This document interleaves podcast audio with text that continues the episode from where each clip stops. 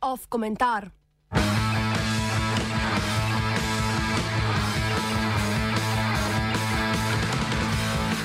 Razpad drugega bi, b, b, b, britanskega imperija.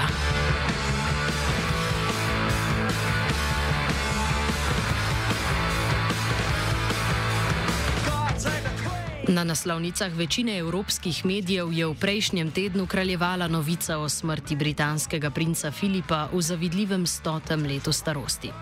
Čeprav se zaradi tega niti de facto, niti de jure na britanski oblasti z danes na jutri ne bo spremenilo nič, lahko njegovo smrt vidimo kot začetek konca 70-letne homeostaze na britanskem dvoru. Res je, da britanska kraljeva družina, o kateri poročajo skoraj izključno le tabloidi, nima direktnega vpliva na samo britansko in svetovno politiko. Kljub temu pa ima močno vlogo pri ohranjanju britanskega unionizma in britanske skupnosti narodov, bolj znane kot Commonwealth. Njegovo najmočnejše vezivo, prinčeva žena in britanska kraljica Elizabeta II., pri 94 letih že pol stoletja ni več rosno mlada, zato je pod vprašaj postavljena kontinuiteta Commonwealtha in Združenega kraljestva po njeni smrti.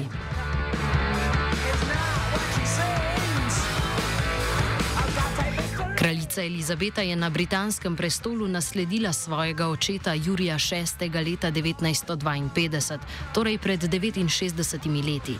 Takrat je imelo Združeno kraljestvo še vedno imperialne posesti po celem svetu in s tem dokaj učinkovit aparat centralnega upravljanja, ki je preprečeval marsikatero težnjo po osamosvojitvi in republikanstvu znotraj monarhije.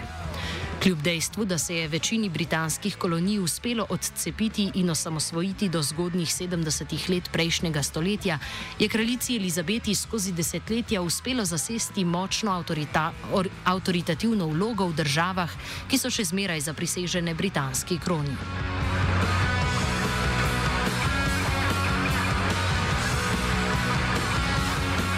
Take države so večina članic Commonwealtha, organizacije nekdanjih britanskih kolonij in dominionov. Commonwealth je bil ustanovljen še v času britanskega imperija leta 1926 kot politična in ekonomska zveza držav. Danes je glavna vloga Commonwealtha zapisana v deklaraciji ASO Rock in obvezuje članice k promoviranju svetovnega miru, demokracije in napredka ter boju proti rasizmu in revščini. In seveda ne smemo pozabiti na Commonwealth Games, manjšega brata Olimpi olimpijskih iger, kjer zanimivo, pobudniki in nosilci iger, angleži, po številu medalj niso najboljši. Ta čast gre Avstralcem, na primeru katerih lahko dobro razumemo negotovost obstoja Commonwealtha.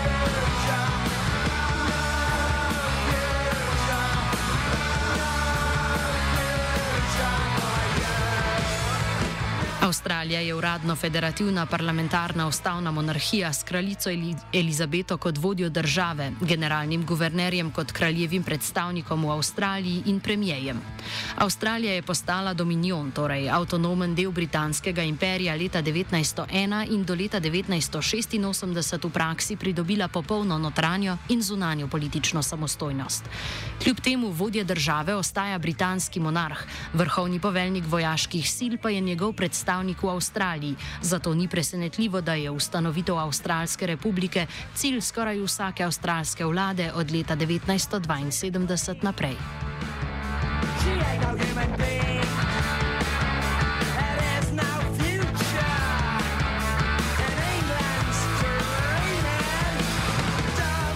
Istega leta je bila v Avstraliji izvoljena vlada premijeja Edwarda Whitlama, ki je leta 1974 začela porabljati denar iz državnega proračuna, preden je bil ta odobren za prihodnje fiskalno leto.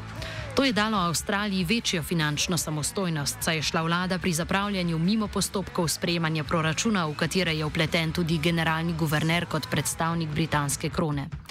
Gesta avstralske vlade je bila odgovor na britansko zmanjšanje obsega trgovanja s Commonwealthom, ker je gospodarsko rastoča Evropska skupnost predstavljala boljšega ekonomskega partnerja kot nekdanje kolonije. Whitlama je njegova PR-ovska akrobacija odnesla z položaja, ko ga je generalni guverner odstavil leta 1975. Obudil pa se je še danes trajajoči javni diskurs o Avstralski republiki.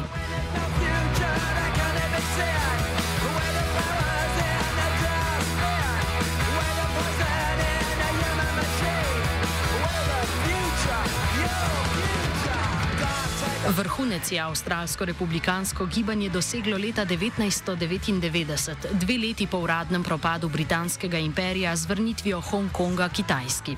V Avstraliji je bil takrat namreč izveden tako imenovani republiški referendum, na katerem so predvsem avstralski laboristi želeli doseči odcepitev od britanske krone in ustanoviti republiko. 55 odstotkov avstralcev je bilo drugačnega mnenja in podprlo monarhijo, kar pa ni zatrlo republikanskega gibanja. Waymaker.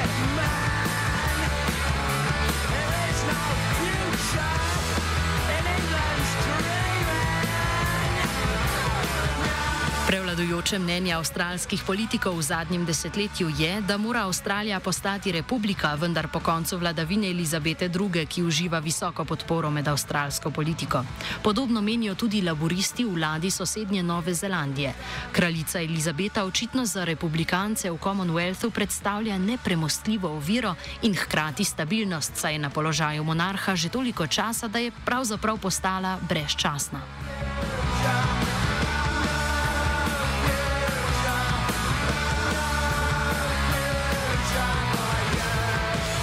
Nekoliko drugače je predvsem za afriške članice Commonwealtha. Sanje o republiki lahko fizično manifestirajo države z dovolj denarja, globalnimi partnerji in stabilnosti, kot so Nova Zelandija, Kanada in Avstralija.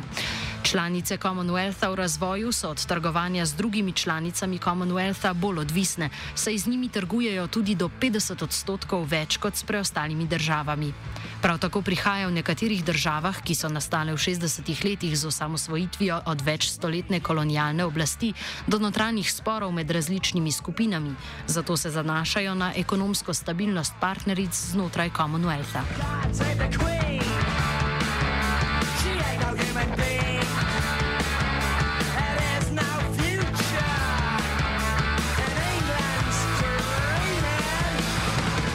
Vrnimo se nazaj v Združeno kraljestvo. Smrt princa Filipa bi lahko videli tudi kot naznanitev priprav na razpad britanske monarhije. Filip se je rodil kot princ Grčije in Danske in se po spletu dogodkov, ki so sledili izgonu njegovega očeta iz Grčije in pristanku njegove matere v sanatoriju, ustalil v Angliji. Kljub začetnemu nasprotovanju njegovi poroki s takrat še princeso Elizabeto zaradi nacistom naklonjenih soprogov in njegovih sester, je Filip sprejel vlogo soproga monarhije in vlogo vojvode Edinburga. To je simbolično povezalo, povezalo London in Edinburgh, prestolnici, ki sta si glede nadvlade nad škotskim ozemljem v laseh že stoletja.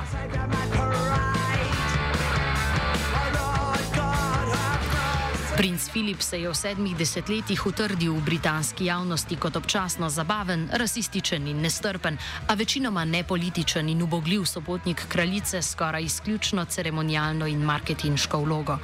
To je treba omeniti, da britanski monarhi že 300 let niso uporabili veta na kakršen koli predlog zakona. Vloga kraljevega para za Britance je bila do zdaj, še bolj kot drugot po svetu, brezčasna in samoumevna.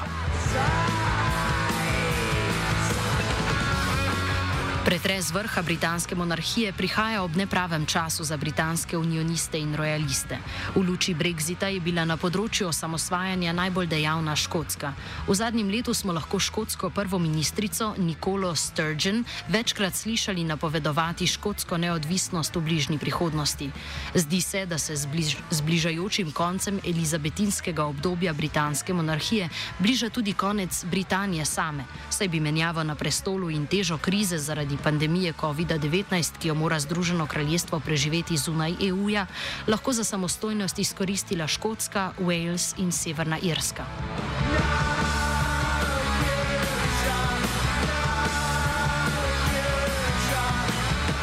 Če je splošno znano, da je treba v življenju gledati širše, je potem smotrno, da v spektr vzamemo tudi drugi vidik osamosvojitve treh britanskih dežel.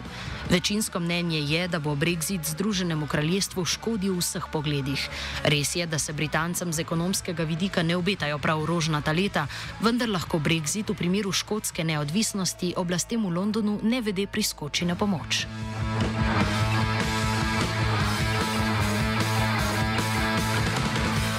primeru, da se Škotska res odcepi od matične države, za njo pomeni, da ostane brez financiranja tako iz Londona, kot tudi iz Bruslja, saj zaradi Brexita ni več članica Evropske unije.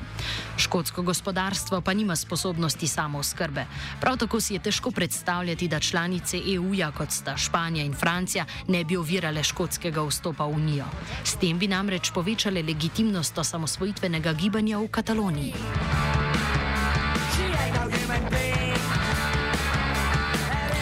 69-letno kraljevanje Elizabete je šlo skozi najbolj turbulentna leta človeškega razvoja, od paca imperijev do tako imenovane druge hladne vojne. Uloga kraljice kljub pogosti in utemeljeni kritiki pompoznosti, snobizmu in oddaljenosti od ljudi še vedno vzbuja spoštovanje in pomeni podredljivost vsaj dela svetovne politike. Z njeno smrtjo se bodo razlike med narodi v Commonwealthu najverjetneje manifestirali v, skrš v skrčitvi in reorganizaciji skupnosti bivšega britanskega imperija. Za razliko od Commonwealtha bo razpad Združenega kraljestva verjetno moral še malo počakati. Politika Evropske unije je namreč združevanje in nedrobljenje političnega zemljevida. Off, je pri, uh,